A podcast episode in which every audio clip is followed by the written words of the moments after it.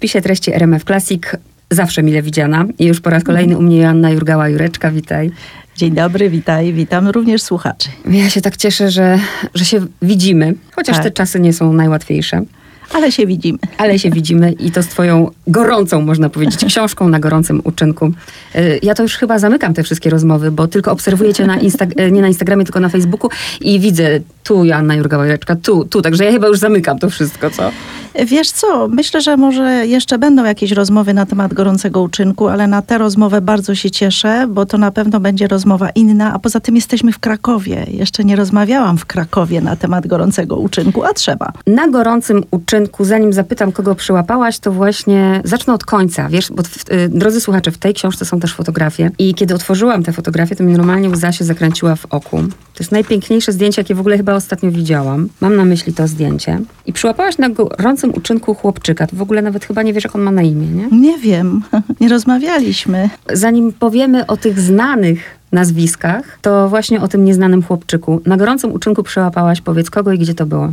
To było w Asyżu. Zobaczyłam najpierw świętego Franciszka, oczywiście zaklętego w posąg, ale taki bardzo inny niż wszystkie pomniki, jakie oglądamy, bo to był siedzący w kucki mężczyzna, patrzący na Dolinę Umbryjską. No i kiedy wracałam z kościółka, w tym gaju oliwnym, obok y, posągu świętego Franciszka, siedział w tej samej prawie że pozycji, też w kucki, siedzący obok Franciszka chłopczyk. Oczywiście, że nie wiem, jak miał na imię, nie rozmawiałam z nim. Podeszłam z tyłu, zrobiłam zdjęcie. Przyłapałam na gorącym uczynku moment dla mnie bardzo szczególny, bo razem z tym średniowiecznym świętym siedział, patrzył na Dolinę Umbryjską spokojną.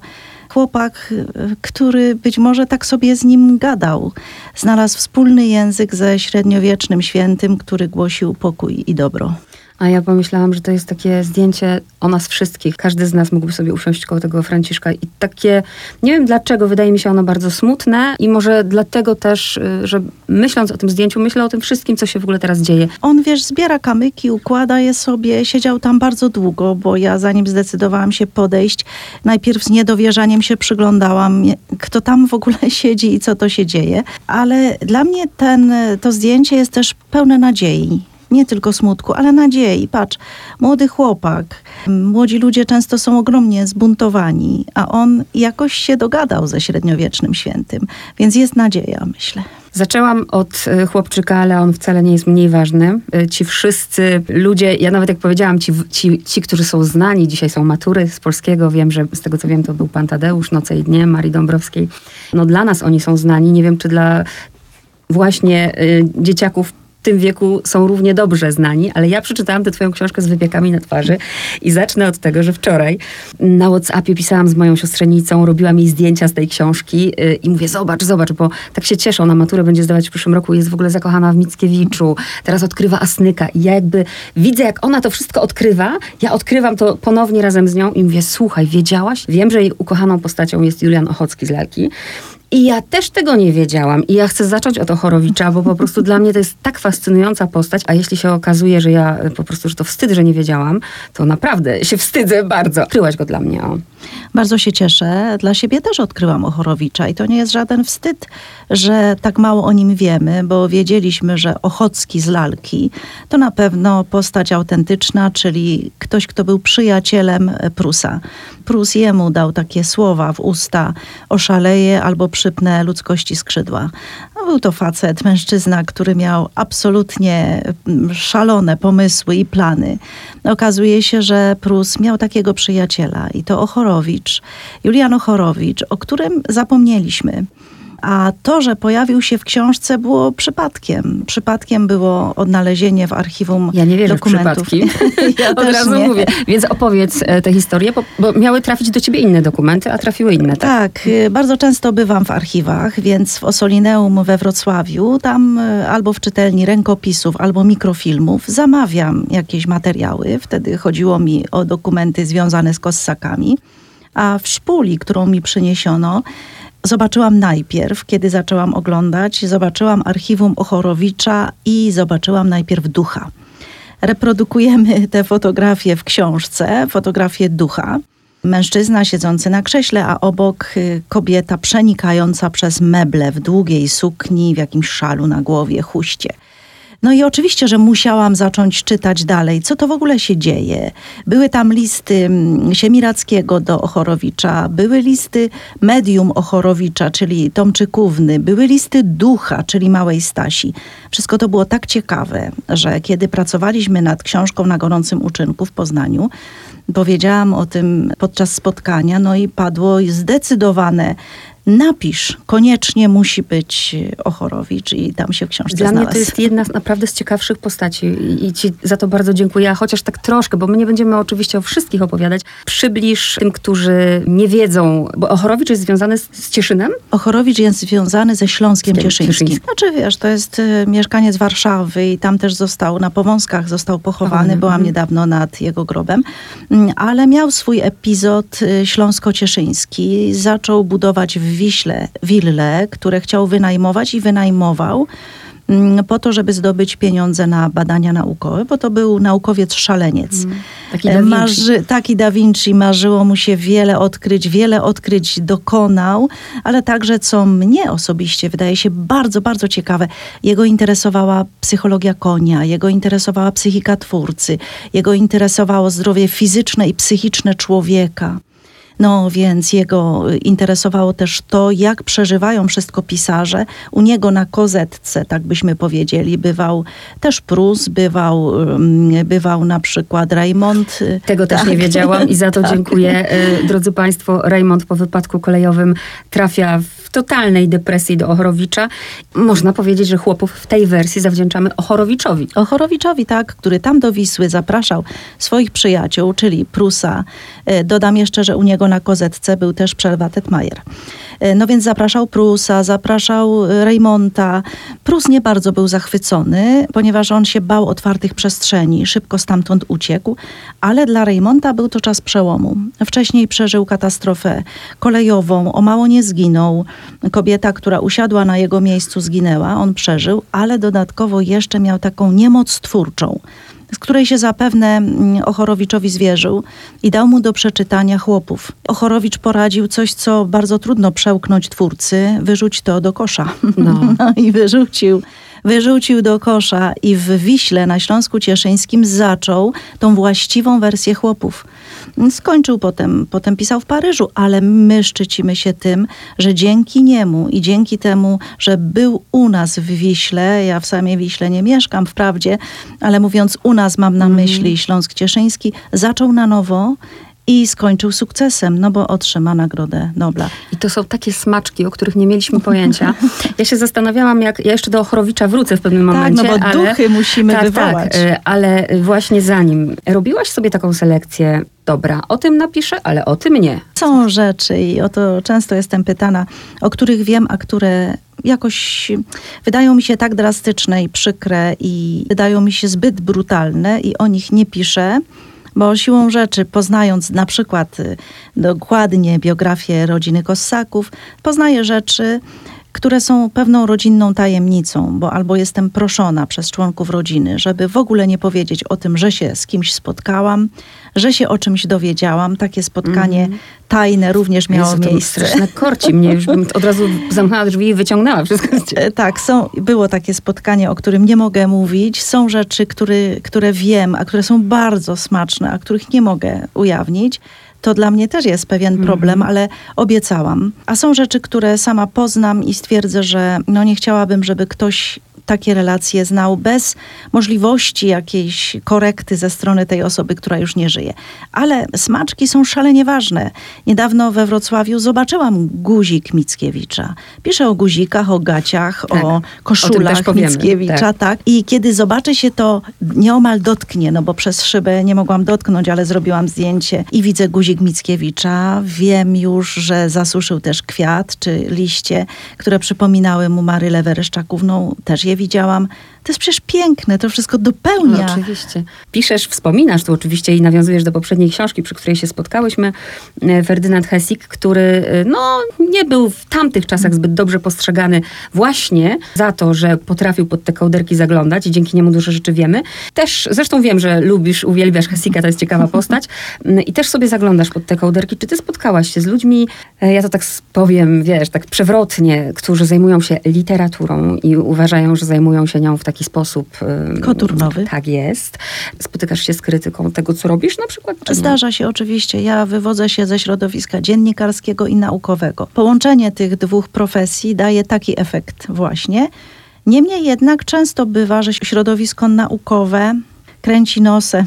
Zdarza się, że na przykład w wypadku książki Kossakowie mhm. Tango uważa się, że ktoś, kto ma naukową przeszłość, nie powinien zbeletryzować historii romansowej. To taką wybrałam drogę i jestem w takiej roli szczęśliwa.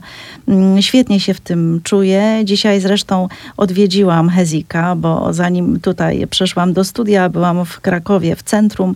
Od Kossakówki pospacerowałam sobie trasą, którą zawsze robił Wojciech Kossak pod dom Ferdynanda Hezika i jego żony, w której Wojciech był zakochany. Stanęłam też pod balkonem. To są przecież piękne rzeczy. Jeśli ktoś teraz słucha i nie wie, kim jest Hezik, to koniecznie odsyłam do naszej poprzedniej rozmowy, która znajduje się w podcastach stanęłaś przed takim wyborem. Tu bardzo ładnie napisał Piotr Legutko, czy jest jakiś klucz do tej książki? Tak, jest, jest, jest raczej pęk kluczy, bo mogłaś pójść drogą, nie wiem, reporterską.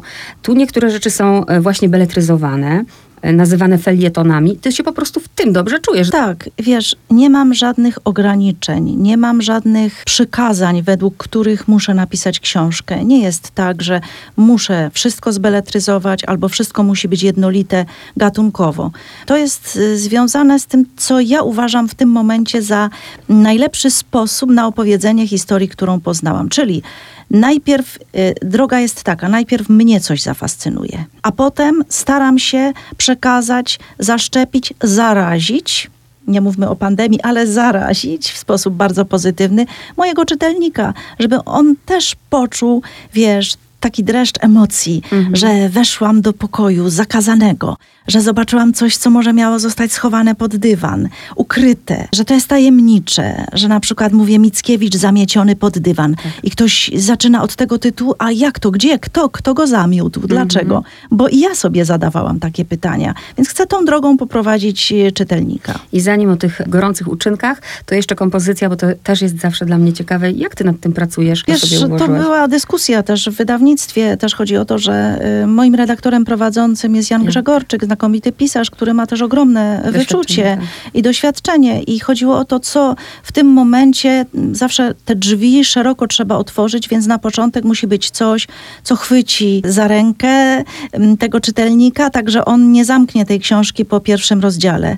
W związku z tym musimy go wprowadzić. Mhm. Czyli to nie było tak, że Konopnicka, bo rok Konopnickiej. Nie, nie, nie. I też nie chodziło o to, żeby to wszystko było ustawione mhm. chronologicznie. Oczywiście wszystko to wymagało dyskusji. Najpierw była taka wersja, potem inna. Ostatecznie doszliśmy do wniosku, że Ochorowicz z tymi duchami mhm. jest tak smakowity, że on musi zachęcić i okazuje się, że bardzo zachęcił, no bo jeszcze nie opowiedziałyśmy o tym, że przecież Ochorowicz to także duchy, to nie tylko jego literackie przyjaźnie i jego wynalazki, ale on zafascynował się hipnotyzmem, mediumizmem, a to wszystko spowodowało bardzo smaczne, myślę, mm, wątki w jego biografii. Ochorowicz, tak jak ja powiedziałam, on dla mnie się stał takim, jakby taką postacią centralną tej książki e, i nawet jak patrzę na okładkę, to można tak powiedzieć. Wywołujesz ich jako artystów, przywołujesz tych, którzy już, zastanawiam się, no poza szkołą, kto dzisiaj czyta Słowackiego, Mickiewicza, Konopnicką. Są martwi, tak? Tak, tak. Więc ty jakby ich właśnie przywołujesz do życia i to w bardzo ciekawy sposób. I teraz jest ten moment, żeby właśnie powiedzieć o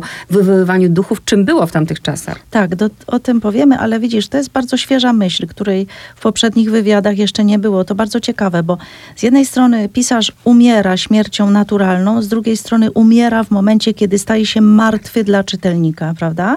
A więc mamy tutaj takie e, powodowanie zmartwychwstania tych postaci poprzez czasem wyciągnięty z szafy szlafrok, peniuar, Bo do współczesnej młodzieży dzisiaj nie trafiłby, jakby, jakbyśmy wyciągnęli ten, no nie wiem, opowiadanie Konopnickiej. Oczywiście I, i powiedzą nasza szkapa i na tym koniec. Tak. A tymczasem, jeżeli dowiedzą się, że był peniuar, że to była kobieta obdarzona ogromnym seksapilem, to może przystaną na chwilę i powiedzą, no to opowiedz. Tak jak też wspomniałaś o wywoływaniu duchów, to był autentyczny proceder, bardzo popularny, modny, nie było wtedy Instagramów, TikToków, Facebooków, gdzie można byłoby się kontaktować ze światem, więc e, siadano przy okrągłym stoliku, był to rodzaj zabawy e, w dworach szlacheckich, w arystokratycznych pałacach również. I tym się zajmowano trochę z przymrużeniem oka, ale bywały sytuacje, w których działy się rzeczy tak dziwne i tak powodujące niepokój tak ogromny, że wręcz ostrzegano przed wywoływaniem duchów, żeby tej zabawy, Nawet ciebie. tak, nawet, nawet i mnie, mm, to znaczy tak, dom Ochorowicza, ten dom, w którym on e, prowadził swoje badania nad mediumizmem, w którym e, wprowadzał w trans e, Tomczykówną, a więc dziewczynę, o której powiedziano mu, że ma nadnaturalne zdolności. Mamy zdjęcie, drodzy Państwo. Tak, mamy zdjęcie, mamy zdjęcie też oczu, twarzy Ochorowicza. Proszę zobaczyć, jaki przenikliwy wzrok. Mm, Ludzie, którzy mm, y, zachowały się wspomnienia o nim, opowiadano, opowiadano sobie, do dziś opowiada się w Wiśle, że on miał niesamowity wzrok, że ludzie się go bali, mm, ale też i traktowali go z szacunkiem, bo na przykład leczył chorych. Ktoś mówił, że nie dowidzi, to idź przemyj oczy w strumieniu. I ten ktoś odzyskiwał wzrok, więc mówiono takie dziwne rzeczy o Ochorowiczu. W każdym razie, kiedy zaczął płonąć jego dom, on już dawno nie żył, a ja o tym wszystkim czytałam, bo media na Śląsku Cieszyńskim donosiły, że Ochorowiczówka płonie. Wtedy księża katoliccy i ewangeliccy wystosowali taki apel, żeby nie odbudowywać domu Ochorowicza, bo tam działy się dziwne rzeczy, które do dzisiaj powodują jakieś depresyjne stany mieszkańców. Ochorowiczówkę odbudowano, weszłam do tego domu duchów. Zapraszam do domu duchów. Tam jest fantastyczne Muzeum Magicznego Realizmu. Świetne miejsce, jeśli ktoś tam jeszcze nie był, a są na pewno tacy wśród słuchaczy, zapraszam, wejdźcie do tego domu duchów. Przyśnił ci się Chorowicz? Wiesz, wszyscy, o których piszę, jakoś mi się śnią, bo to trochę tak, że jasne, że nie przesadzajmy, bo pisanie to w dużej mierze rzemiosło, ale jest też natchnienie. Zdarza mi się pisać nocami czy nad ranem i wtedy te postacie się materializują, stoją mi przy biurku. Nie chcę tu demonizować, na pewno jednak przypadkowe rzeczy nie są przypadkami. Mam wrażenie, że te osoby z tej drugiej strony rzeki życia same się upominają, tak jak na przykład Gloria Kossak się upomniała o siebie. To spokojnie. Na razie jeszcze Ochorowicz dwa zdania, bo no fascynująca postać, ale z drugiej strony bardzo szkoda mi było, wspomina, wspomniałaś już o Stanisławie. Mamy tutaj to zdjęcie, kiedy ona, nie wiem co to jest, co ona unosi. To, co ma na ramieniu papugę, unosi przedmioty. Przed, nie, nie wiem, co to jest za Pudełko przedmiot. zapałek Mhm. czasami unosi. Ona była w nim na pewno zakochana. Zakochana i właśnie o tym mówię, że ona stała się jego ofiarą To jest trochę. moje odkrycie, No. bo nikt wcześniej tych listów nie publikował. Kiedy zaczęłam czytać te listy, zauważyłam, wiesz, kobieta kobietę zrozumie. W, tych jej, w tej jej walce na słowa, bo Mhm. bardzo często ona się obrażała, kłóciła, tupała nogą. Widać wielką fascynację tym badaczem i widać też, bo znalazłam oczywiście odwrotną część korespondencji, czyli listy Ochorowicza do niej, której on wypytuje z troską o jej zdrowie, o samopoczucie, ale nie dlatego, że interesuje go ona, kobieta, tylko ona, przedmiot badań. Czy się dobrze czuje, czy mogą wrócić do eksperymentów i kiedy wrócą do eksperymentów, więc a ona wyraźnie zakochana w nim. W końcu on ją spotkał z pewnym bardzo bogatym lordem, również zafascynowanym e, badaniami mediumicznymi. Wyszła za niego za mąż. Była bardzo bogata. A powiedz o tym liście małej Stasi, bo to był chyba dla mnie największy problem. Chociaż ja nie wierzę w przypadki i jestem bardzo otwarta na pewne rzeczy, to list małej Stasi był jedynym takim momentem, mm, Wiesz co, oczywiście, że y, jestem przekonana, że ten list małej Stasi, który był listem ducha, bo podobnie jak Eusapia Palatino mówiono, że ma swojego ducha, który się materializuje w czasie seansów jako mały John, y, to tutaj mówiono o małej Stasi, czyli takiej dziewczynce, która z niej wychodzi w czasie seansów. Myślę, że ona w ten sposób y, próbowała kokietować Ochorowicza. Stanisława Tomczyków napisała raz listy w swoim imieniu, a czasem listy w imieniu dziecka, Mhm. kapryśnego dziecka, który pisze z błędami, innym zupełnie charakterem pisma. List zaczyna się już jedenasta chlasta, więc to w ogóle przypuszczam, no jestem prawie pewna, że to jest takie stylizowanie i próba zainteresowania Ochorowicza tym, że ona jest, y, ma podwójną osobowość. Mhm. Powiedziałam, no to więc pociągnijmy, że Konopnicka ma na sumieniu trzy trupy. E, oczywiście żartobliwie, ale to też fascynująca historia i też z perspektywy Mędla Gdań- Gdańskiego, że to może być konkretnie e, krakowski Gumpl- Gumplowicz, którego tu z Krakowa wyproszono, Tak. nie wprost, to znaczy nie mógł tutaj zrobić kariery naukowej. I to też jest rodzaj takiego mojego skojarzenia i odkrycia, bo o ile fakt, że Konopnicka rozkochała w sobie młodego naukowca, który z jej powodu popełnił samobójstwo, był już znany od lat 70., o tyle nikt nie skojarzył tego z Mędlem Gdańskim. Akurat nowela wtedy wyszła, kiedy wszystko to się działo w Gracu, w Austrii. A ja skojarzyłam właśnie Mędla Gdańskiego, który z taką gorzką ironią mówi: Umarło moje serce dla, Tak, tego miasta. miasta. mając na myśli Warszawę. Pomyślałam, że Gumplowicz to samo powie o Krakowie, bo Kraków nie chciał tutaj Gumplowicza na uczelni, a był to człowiek ogromnych horyzontów, bardzo interesujący. I on zrobił ogromną karierę w Gracu i nie chciał nigdy wrócić do Krakowa. I myślę, że mógłby powiedzieć: Umarło moje serce dla tego miasta. I mimo, że to nie są miłe rzeczy na temat Krakowa, to też trzeba je powiedzieć, bo tak było. Tak było, tak było i to sa, te samobójcze śmierci, bo mówimy o samobójczych śmierciach całej serii właściwie, przypisywano te trzy śmierci konopnickiej, szeptano o tym w salonach, a na pewno protoplasta tej rodziny, też bardzo bogaty, ciekawy człowiek, który zrobił tu w Krakowie pieniądze i wszystko stracił. Na giełdzie. Jego syn stracił wszystko na dopiero co otwartej w Krakowie giełdzie.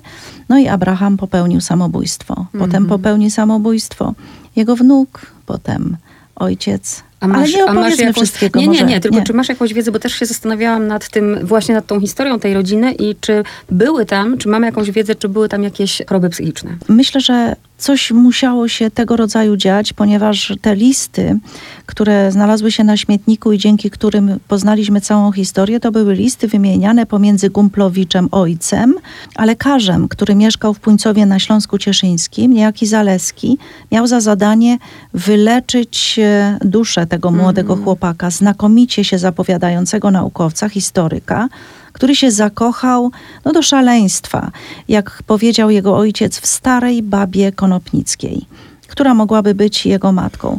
I te listy to są listy lekarza i ojca. Ojciec pisze, co dzieje się z synem, dokładnie relacjonując jego stany psychiczne, a lekarz próbuje rozmowami, spotkaniami, myślę taką terapią doprowadzić do tego, żeby on się uspokoił i wyciszył. No ale nie zdążył lekarz go wyleczyć. Jedno zdanie jeszcze do Konopnickiej, idąc troszkę w głąb tej książki i mówię o Laurze, jej córce, to to, co mnie też zadziwiło, że popatrz, Konopnicka sama wiedziała, jaki wzięła oddech po rozwodzie. I byłam zaskoczona tą jej małostkowością później w stosunku do córki. Zauważyłaś pewnie, że tam jest wiele też moich zaskoczeń. Ja się tymi zaskoczeniami z czytelnikami dzielę. Podobnie jak tym, jak bardzo, bardzo zaskoczył mnie Sienkiewicz, który córce Juliusza Kossaka pisze w sztambuchu, w pamiętniku, że e, powinna urodzić dziecko i to jest jej zadanie. Tymczasem ona bardzo długo nie mogła urodzić dziecka. Była utalentowana, mogła być drugą Olgą Boznańską, a ona ostatecznie hoduje indyki, a miała piękne oczy, miała wspaniały talent. To tu w Krakowie ten talent się urodził. No więc zaskoczył mnie Sienkiewicz, zaskoczyła mnie Konopnicka, która była bardzo nowoczesną, otwartą kobietą, w tym znaczeniu, że nie poprzestała na tym życiu szlachecko-dworkowym, urodzeniu y, dzieci, prawie że co rok prorok, ale wyrwała się stamtąd, zrobiła karierę. Była kobietą, tak jak już wspomniałam, obdarzoną seksapilem i y, no, na salonach zachwycającą swoim zachowaniem, swoim sposobem bycia, ale próbowała córce związać ręce, zamknąć jej drogę kariery. Córka chciała bardzo stanąć na deski sceniczne, Uważano, że to jest w ogóle zawód, aktorstwo to jest zawód no, bardzo podejrzany. Tak. W związku z tym Konopnicka szantażuje dyrektorów teatrów, żeby nie pozwolili mm, Laurze wystąpić, bo ona niechżeż ona na przykład uczy w dworach szlacheckich i tak zarabia na życie, a nie robi karierę artystyczną. W ogóle można by te książki, tak jak bardzo słusznie napisał Piotr Legutko, tu jest e, e, pęk kluczy do tej książki i można by motywami tutaj rozmawiać, e, ale skoro wspomniałaś już właśnie o tej roli kobiety i o tym, e, co pisze Sienkiewicz, no to nie mogę nie zahaczyć o instrukcję, którą dostała Zofia Czartoryska. Ojej, To było- no wiesz, No widziałam, że ciebie to też... no, em, strasznie mnie to zabolało. Opowiedz o tym, bo to jest... u. Strasznie mnie to zabolało. Zwłaszcza, że też pokazuję na spotkaniach, kiedy y, pokazuję fotografię. Tutaj w książce nie wszystko zmieściliśmy, ale pokazuję też odlew dłoni i twarzy pięknej czartoryskiej, późniejszej zamojskiej, która była jedną z najpiękniejszych dziewczyn w Europie. Pisano o jej urodzie wiersze, portretowano ją. Wyszła za mąż, rodziła dzieci jedno po drugim, co oczywiście jest y, pięknym, wspaniałym zadaniem kobiety, ale przecież nie jedynym. Była bogobojna, była pokorna i dobra i zachowało się o niej piękne wspomnienia, ale napisała taką instrukcję dla swoich córek, które kiedy wyjdą za mąż, mają przestrzegać następujących przykazań. Skreśliłabym przynajmniej połowę z nich. Jedno z nich brzmi: Nie śmiej się. Prawda? Nie uśmiechaj się, nie rozmawiaj nigdy z innym mężczyzną, jeśli nie jest twoim mężem i tak dalej, i tak dalej. No więc bądź smutną kobietą, No, a mnie to uderzyło niesamowicie. Żyj dla niego, zapomnij o sobie. zapomnij o sobie. Więc wiesz, odlew dłoni i Mm. twarzy, głowy tej kobiety, która umiera w dość młodym wieku, e, powoduje mój smutek, bo myślę, wiesz, e, dlaczego się przestałaś uśmiechać? Byłaś taka piękna, mogłaś tańczyć przez całe życie, owszem, wychowując dzieci, ale kiedy się urodzi dzieci, nie należy rezygnować z życia. Później wejdziemy do Krakowa, więc na razie jeszcze Mickiewicz i te gacie, bo to jest bardzo ciekawe. Gacie, tak. No właśnie, no, burzono się, oburzano. Dlaczego zostały opublikowane, został opublikowany spis tych przedmiotów, rzeczy, które zostały po Mickiewiczu, mydełko, gacie, chusteczki mm, i różne inne drobiazgi, guziczki. A te guziczki są, słuchaj, świetne, bo one są z monogramem M. E, Są też guziczki jego żony. I oburzano się tymczasem wasz krakowski Ferdynand Hezik i mój też, bo go bardzo uwielbiam, powiedział, że trzeba liczyć guziczki, trzeba to spisywać. Zawsze podawał jako przykład Germanów, Niemców. Mówi, Niemcy swoim twórcom zaglądają wszędzie, żeby skoro to jest pewna świętość, to niech świętością będą też te gacie i te wszystkie przedmioty, które zostały, zwłaszcza, że wśród nich są zasuszone liście, kwiaty, które kojarzyły mu się z jego wielką, wielką miłością. A nie miałaś, nie miałaś wrażenia, że jakoś tak mało tego? Właśnie, mało miał tych Trzy wszystkich- Trzy brzytwy. Ale wiesz, to były rzeczy, które zabrał ze sobą w podróż, bo przecież on umarł nie w swoim No tak. domu w Konstantynopolu. To wszystko było związane z podróżą, z której miał już nie wrócić, a przecież nie zabierał całego swojego dobytku. Zresztą bardzo dużo rzeczy przed wyjazdem do Konstantynopola spalił. Widzisz, ja się tego nie wstydzę. Drodzy Państwo, jeśli ktoś uważa, że to jest pudelkowe, mnie na przykład od razu zastanawia, bo nie wiem. Dzisiaj są maszynki jednorazowe. Ile, na ile jedna brzytwa wystarczała? nie? Właśnie. To jest bardzo ciekawe. Jedna z moich rozmówczyń, tak, jedna z moich rozmówczyń mówi, że od razu zaczęła szperać w internecie, ile wtedy mieli majtek i, i bielizny i Tak. czy to było mało, czy to było dużo. Wiesz, a mówiąc o tych pudelkowych klimatach, czy o tym, że ja we wstępie napisałam paparazzi, czyli zamiast wstępu. Wiesz, takie tabloidy, to nie jest wymysł współczesny. Sfotografowano Konopnicką w trumnie, opublikowano to natychmiast po jej śmierci. Dzisiaj się nawet tego nie robi. Sfotografowano łóżko, w którym umarła, bo to wszystko słuchaczy, czytelników interesowało. To nas interesuje. Skoro nas to interesuje, jeżeli w ten sposób otwieramy drzwi do bliższego poznania Konopnickiej, choćby przez szafę z jej szlafrokiem, czy choćby o, przez informację, ile miał kalesonów Mickiewicz, to nie jest obrazoburcze. To jest ciekawe. Na koniec sobie zostawiam Kraków, więc jeszcze dwa Mhm. wątki. Ostatnio w książce y, Tomasza Duszyńskiego bodajże beletryzuje historię Osowieckiego. I dokładnie w jego książce przeczy, przeczytałam tę słynną anegdotę, którą ty również na początku tak. przywołujesz z Piłsudskim.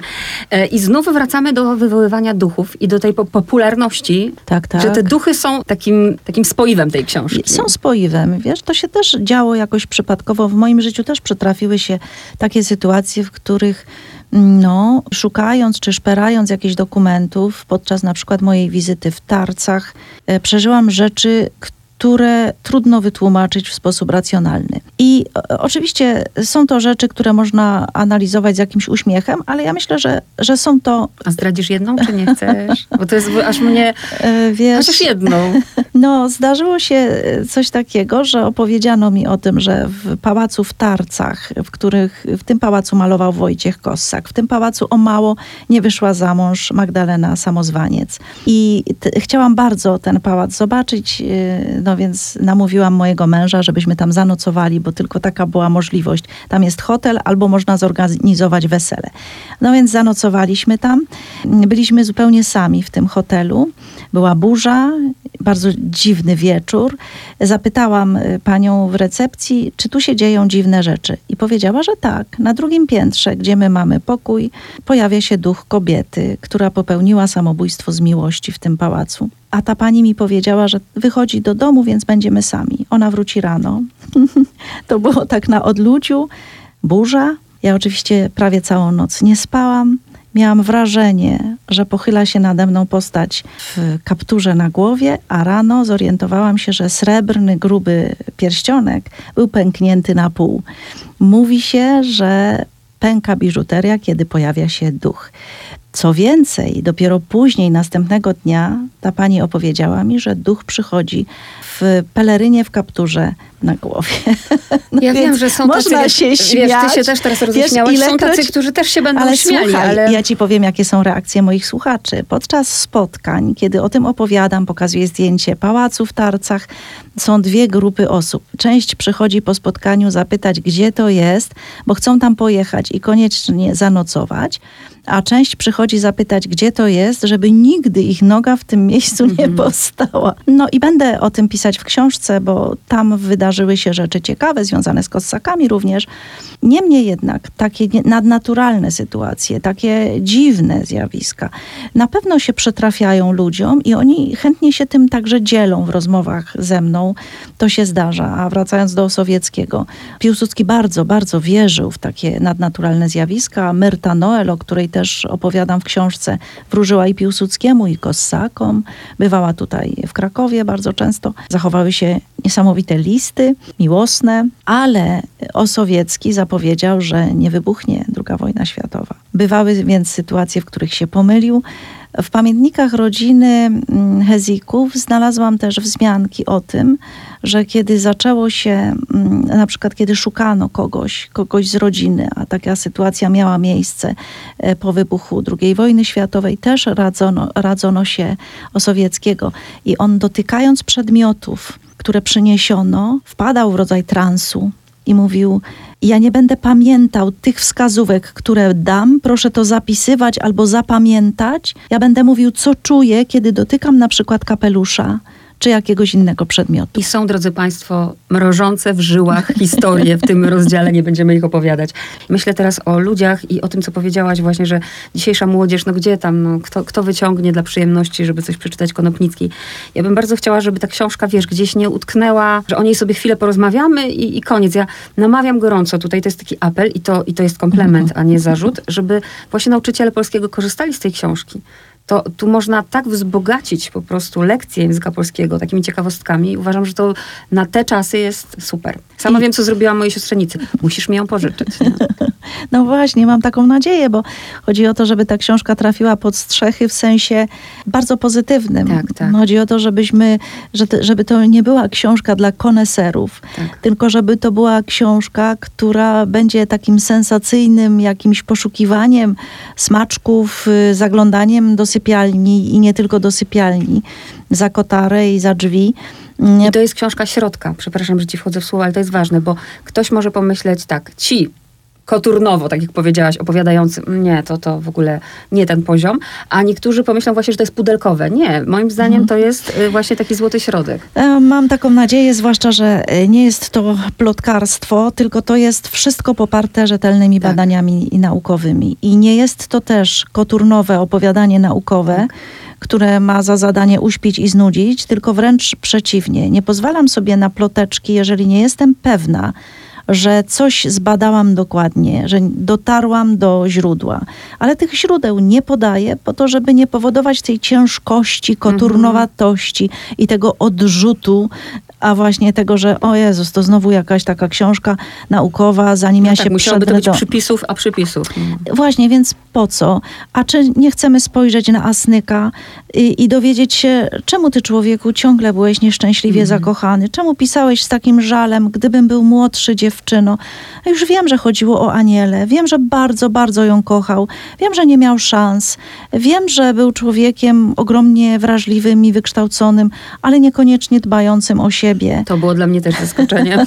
Widzisz, to zapamiętałam. Tak, e, czasem przez takie drobiazgi on staje się bliższy, a jednocześnie zapamiętamy jego nazwisko, bo to już nie jest jakiś tam asnyk ze spisu lektur, tylko to jest facet, który nie potrafił dobrze zawiązać tych tasiemek u kalesonów i się to za nim gdzieś wlokło, bo i to zauważył i opisał. Nie wiem, dlaczego nauczyciele się często boją właśnie takiego czegoś, e, myśląc, że odbiorą coś z tej wielkości. Absolutnie nie. Nie. Właśnie gdybyśmy traktowali tych ludzi, że no właśnie, ludzi, ludzi, nie posągi, nie pisarzy, to nie ujmuje w ogóle jego wierszom, prawda? Bo to jest... Nie ujmuje, nie ujmuje i to, to że puści do nas oko ten Mhm. pomnik, że on się poruszy, że tam krew zatętni. To jest dopiero coś, a nie, że on stoi taki nieruchomy, zawsze w tej samej pozycji i będziemy się do niego modlić i go okadzać, jak mówił Boj. Co to da? Kogo z Krakowa przyłapujesz na gorącym uczynku? O tak, Wyspiańskiego, jego żonę, o której mówiono, że jest straszną babą. I oczywiście Kossaków, Glorię Kossak. Dzisiaj też byłam y, i obok Kossakówki, i przy hotelu Kossak, gdzie przytrafiła mi się ta oniryczna, cudowna scena. Choć nie mieszkam daleko stąd i właściwie mogłabym przyjechać i wyjechać bez noclegu, to jednak zdarzyło mi się zanocować tu w Krakowie y, obok Kossakówki w hotelu Kossak, żeby móc nieomal o północy zobaczyć Kossakówkę w świetle księżyca. I to nie jest znowu jakieś takie dziwaczne wywoływanie duchów, ale chciałam tam być, obok tego domu, o którym tyle razy już pisałam, który kojarzy mi się też z pewnymi duchami, a więc osobami, które już nie żyją, ale także w Kossakówce wywoływano duchy. I tu potem zresztą znaleziono szkielet, mm, kiedy prowadzone są te prace restauracyjne. I tam w hotelu Kossak, na dachu hotelu Kossak y, porozmawiałam w tym zapadającym zmierzchu z cudowną kobietą, córką Glorii Kossak, z Dagmarą która wcale nie tak chętnie rozmawia z dziennikarzami i ja to rozumiem, czy z badaczami, bo są pewne tajemnice rodzinne, bardzo intymne historie, ale ona mi o tych historiach intymnych opowiedziała. Co więcej, przysłała mi archiwum rodzinne do domu na dzień, dwa. Ja te rzeczy mogłam nie tylko dotknąć, mieć je u siebie. Przeżywałam to bardzo i z wielką, wielką wdzięcznością traktuję też to, że córka Glorii Kossak w żadnym momencie nie interweniowała, nie prosiła o to, żebym tak, a nie inaczej napisała o jej matce, choć pisałam wstęp do wierszy Glorii Kossak, które niebawem się ukażą w Krakowie. I pisałam rozdziały w książce na gorącym uczynku. Wyczekała do momentu, kiedy ja jej poślę te teksty i niczego w nich nie skorygowała. Y, Była absolutnie pewna, że daje mi ten kredyt zaufania. A ja nie napisałam laurki o jej matce. Nie wybieliłam jej. Próbowałam ją zrozumieć. Pominęłam ją wcześniej w swoich książkach, a ona wróciła do mnie przez tą rozmowę, przez obraz, który otrzymałam wcześniej, przez wróżkę, aktorkę, ormiankę, która tutaj w Krakowie wróżyła ludziom, a której mąż wysłał mi obraz. Glorii Kossak. To są tak niesamowite powiązania. Ja nie wymieniam specjalnie nazwiska, bo być może pan Jan z Lublina nie chciałby ujawniać tego wszystkiego, ale on wysłał mi obraz. Opowiedział o swojej żonie Ormiance, która ten obraz otrzymała w Krakowie na Kossakówce od Glorii za to, że recytowała tam wiersze e, Pawlikowskiej Jasnorzewskiej. Teraz ten obraz wisi u mnie i znalazłam w archiwum rodziny Kossaków zdjęcie z Kossakówki z tym obrazem wiszącym na ścianie i moment, w którym aktorka, ormianka recytuje wiersze. Wiem, że tu wróżyła ludziom. Pewien biskup zaprzyjaźniony z nią, dowiedziawszy się o tym, powiedział: Przestań. A ona mówi: Ale mnie się to sprawdza. tym bardziej przestań. Niezwykłe. Cały czas, cała ta książka, jak powiedziałyśmy o tych duchach, to nawet teraz jeszcze wracam do Przybosia. E, no nie ma przypadków. Myślę o dacie jego śmierci Tak. Skotniców. No po prostu tu wszystko się jakoś ze sobą Tego łączy, samego nie? dnia, w tym samym 41 miesiącu, on umiera nagle na atak serca. W tym samym dniu, w tym samym miesiącu, oczywiście wiele lat wcześniej, spada w przepaść Marzena. Ona go ściągnęła w przepaść śmierci tego samego niesamowitego. dnia. Wspomniałaś o strasznej żonie. Wyspiańskiego, tak, ja przywołuję Wyspiańskiego, Matejkę. Strasznie mi żal i tego, jak Matejko musiał mm, radzić sobie ze swoją żoną i jak radził sobie ze swoją żoną Wyspiański. Wyspiański był ogromnie przystojny, więc tam też w książce jest fotografia pokazująca urodę tego mężczyzny. No i mm, brak urody u jego żony i to, że nazwano ją wręcz prostaczką. I przywołujesz zresztą, bo mamy cytaty. Oj, y, no czasem ale, takie brutalne wręcz. Ale podoba mi się, jak to ładnie podsumowałaś, bo ja, ja sobie zadałam takie pytanie właśnie, mm, dlaczego, nie? Dlaczego ona? Ale ty to podsumowujesz. Ale właśnie, ona przynosiła mu ten papier i te ołówki. Ona mu była do tego potrzebna. A my Oczywiście. tak łatwo nam oceniać, prawda? Łatwo nam oceniać, to była służąca do posług mniej szlachetnych, czyli nie przynosiła nawet porcelany na stół, ale węgiel z piwnicy. To była dość brzydka pani, to była prostaczka w zachowaniu, ale łączyła go z nią ogromna namiętność, to na pewno. Ona była matką jego dzieci. W związku z tym ożenił się z nią. Powiedział, że tylko ona może płakać na, nad jego grobem, ale współcześni się bardzo dziwili. Nawet mówiono, że ona hoduje kozę w jego mieszkaniu. Bardzo się dziwili, że ten już później bardzo schorowany mężczyzna cały czas jest przy niej i wręcz obraził się, kiedy Rydel nie dość elegancko zaprosił go na swoje wesele z nią. Chciał, żeby łączyli ich razem, podczas gdy naprawdę kochały się w nim przepiękne kobiety piękne, na pewno dużo bardziej pasowałyby jako mm, towarzyszki życia artysty. Dopiero przeżyłam, tak jak mówisz, i to, co napisałam w książce, pewien rodzaj takiego zrozumienia, kiedy przeczytałam rozmowę z nią, przeprowadzoną już w jakąś rocznicę śmierci Wyspiańskiego. I ona wtedy mówi tą krakowską gwarą, którą znamy z Wesela Wyspiańskiego. A ja tam go scygła, no i przynosiła mu te ołówki, pastele, to on malował. Malował ją nawet, kiedy ona rodziła. Miała te bóle rodzenia, on chciał zachować w ten moment, y, moment bólu rodzenia. Przyglądał jej się, portretował ją, kochał ją. Widocznie ją kochał i tak to widocznie musiało być. Ale on przy artystce by się nie realizował, a tak... ym, Pytanie brzmi właśnie i na to pytanie staram się odpowiedzieć jako kobieta, przyglądając się kobietom, które raz, że mają pewien talent, chcą zostać artystkami, tak jak żona Ludomira Różyckiego. O nim właśnie chciałam za chwilę. Ach, Mhm. ona klęczy niejako przed nim w tym uwielbieniu dla jego talentu, rezygnując z własnego, czego nie rozumiem. Odpowiadałam sobie na pytanie, która kobieta nadaje się najlepiej, żeby być partnerką artysty, bo to nie jest Mhm. łatwe. Sama musi być w pełnym uwielbieniu dla niego, siebie nie eksponować. Mhm. No właśnie, i, i, i ta kobieta, partnerka, kobieta, artystka, sama zauważyłaś w tej książce, mnie interesuje, ciekawi. To teraz właśnie Różycki. E, Przywołaj postać, bo wcale nie jest to oczywista postać. Tak, i dla mnie też nie była. Ja mm, nie, nie wiedziałam o nim zbyt wiele. Nazwisko i tyle.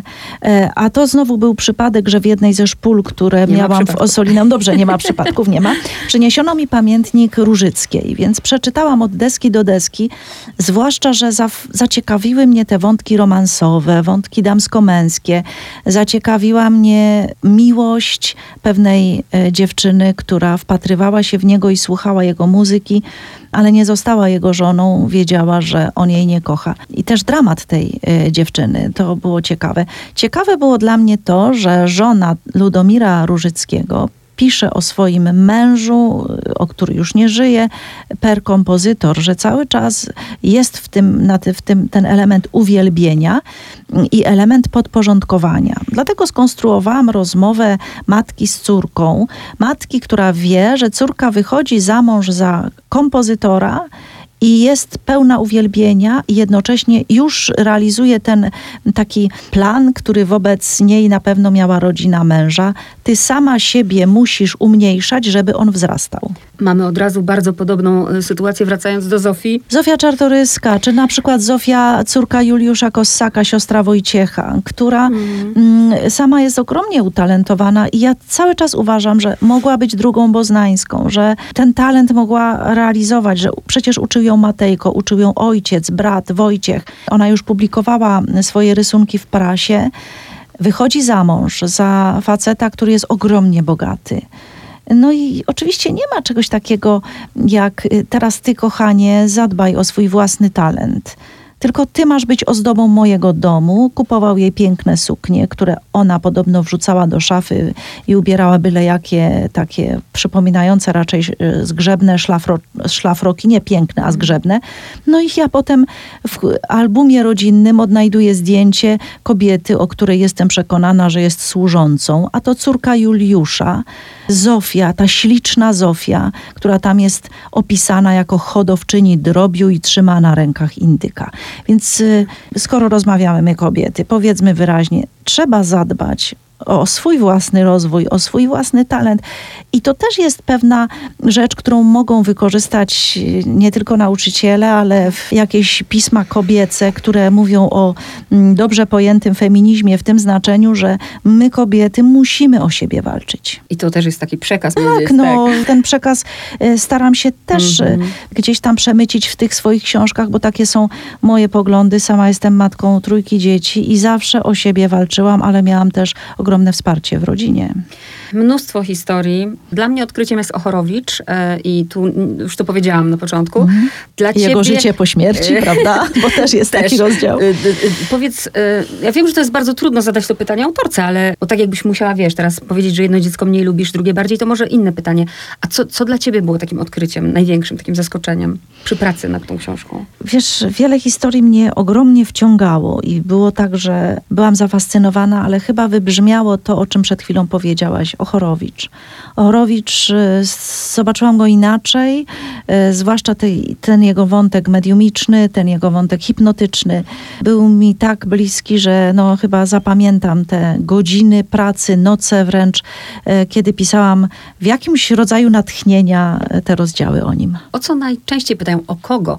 Bo jednak tu jest plejada tych postaci no, te spotkania autorskie też nie trwają po trzy godziny. Czy jest tak, że mogłabyś po tych spotkaniach powiedzieć, że jest ktoś, kto interesuje ich najbardziej i że nie jest to Ochorowicz? E, tak, wiesz, e, bardzo interesuje żona Wyspiańskiego, bardzo, bo to jest jakieś tak. takie inne niż byśmy sobie wyobrażali.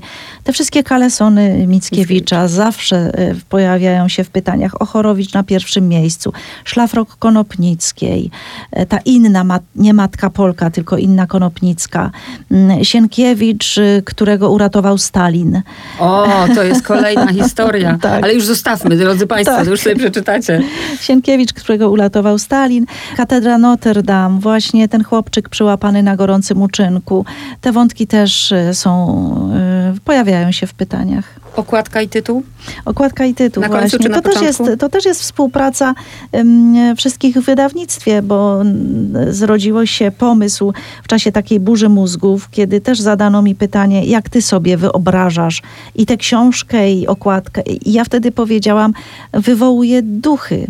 Y, I podtytuł potem, i to wszystko związane jest z, no, z takim genialnym prowadzeniem tej książki przez Jana Grzegorczyka, który każdą książkę dopieszcza i, i tej książce też nadaje taki charakterystyczny rys, współpraca z nim właśnie podczas tworzenia duchów artystów. Co jeszcze możesz wykopać? Przecież już siedzisz tyle w tych archiwach Wiesz, i ciągle coś znajdujesz. Ale I dziewczyno, jak gdyby moja doba miała więcej godzin, to y, pracuję więcej godzin, ale mam tak fantastyczne materiały w tej chwili w rękach, że już ta książka jest poza mną, a piszę teraz książkę, w której odkryję rzeczy, o których nie miałam pojęcia. A ale... ja myślałam, że coś wrócimy do Hezika. Coś tam W pewnym było. sensie też, tak. Mhm. Wracamy do Hezika, wracamy do Zofii Kossak. Są rzeczy, które świetnie współbrzmią z tym, co się dzieje teraz. Ukraina, ratowanie ludzi, e, postawa wobec sytuacji trudnych. Trafiły mi, w, weszły mi dosłownie w ręce przez przypadek znowu, nieprzypadkowy. Materiały, które czytałam w czasie, kiedy wybuchła wojna, które pozwoliły mi odzyskać równowagę, spokój i zrozumiałam, że muszę to posłać przesłać dalej, powiedzieć, jak funkcjonuje się w takich sytuacjach, jak robiła to Zofia jak trzymała pion. Dlaczego, bo zadają mi pytania, czy teraz można czytać pożogę Zofii Kossak, skoro jest taki obraz Ukrainy przedstawiony w tej książce? No właśnie. I o tym w tej najnowszej książce też opowiadam, którą piszę jak najszybciej, żeby wypuścić w świat, żeby moi czytelnicy mogli doświadczyć tego, co ja doświadczam teraz, tego ogromnego mhm. właśnie uspokojenia, spokoju, zrozumienia, że powtarzalność historii tak. powoduje też to, że mamy taki pancerz zbudowany przez tych ludzi, którzy już to przeżyli. I oni nam dają dosłownie receptę. Dla mnie Zofia jest patronką na te trudne dni. Tak, pamiętam, jak o niej właśnie rozmawiałyśmy przy książce Biały Mazur. W tym tak. właśnie kontekście pamiętam. Tak, tak, tak. I ona daje gotowe recepty. Wiesz, wystarczy y, trochę się wsłuchać, wczytać, a zwłaszcza wobec tych materiałów, które dostałam, które są najbardziej intymnymi jej wypowiedziami, one powodują, że otwierają się nam oczy i rozumiemy, jak należy reagować. Jeszcze zapytam, które to twoje dziecko? Już nawet nie wiem. No bo właśnie też nie wiem. Już nie wiem. W ogólnopolskich wydawnictwach, w PWN-ie biografia Zofii, Kobiety Kosaków, potem Biały Mazur, Tango, Na gorącym uczynku, były jeszcze Tajemnice prowincji, Siedem spódnic Alicji. Dużo tych dzieci, Kolejne, dużo. Tak, ja rozumiem, że no, Kossakom pozostaniesz wierna oczywiście. Tak, tak, tak. E, I przy Kossakach, przy szukaniu materiałów będą wypływać różne mhm. inne. Czy jeszcze się tego typu książki możemy spodziewać? Tak, tak, mhm. tak. Okazuje się, że ten, ta książka na gorącym uczynku ma tak duży odbiór i, i, tak szeroki odbiór, że wręcz e, domagano się, żebym kontynuowała ten e, sposób pisania. Krótkie rozdziały, mhm. y, takie tematy, które interesują, chyba myślę, jest to na topie. Ale tak. nie zatytułujesz na gorącym uczynku dwa. Nie, nie, nie, nie, nie. Żartuję. Wiesz, zawsze. Inflagranti niech będzie. O. Wiesz, bałam się tytułu Inflagranti, bo czytelnik najpierw szukałby znaczenia. No co tak, to w ogóle tak, jest, tak. więc pozwoliłam sobie na to Inflagranti dopiero w końcowych rozdziałach, żeby wytłumaczyć, że to jest to samo, co na gorącym uczynku. Joanna Jurgała-Jureczka, bardzo dziękuję. Ja również dziękuję bardzo.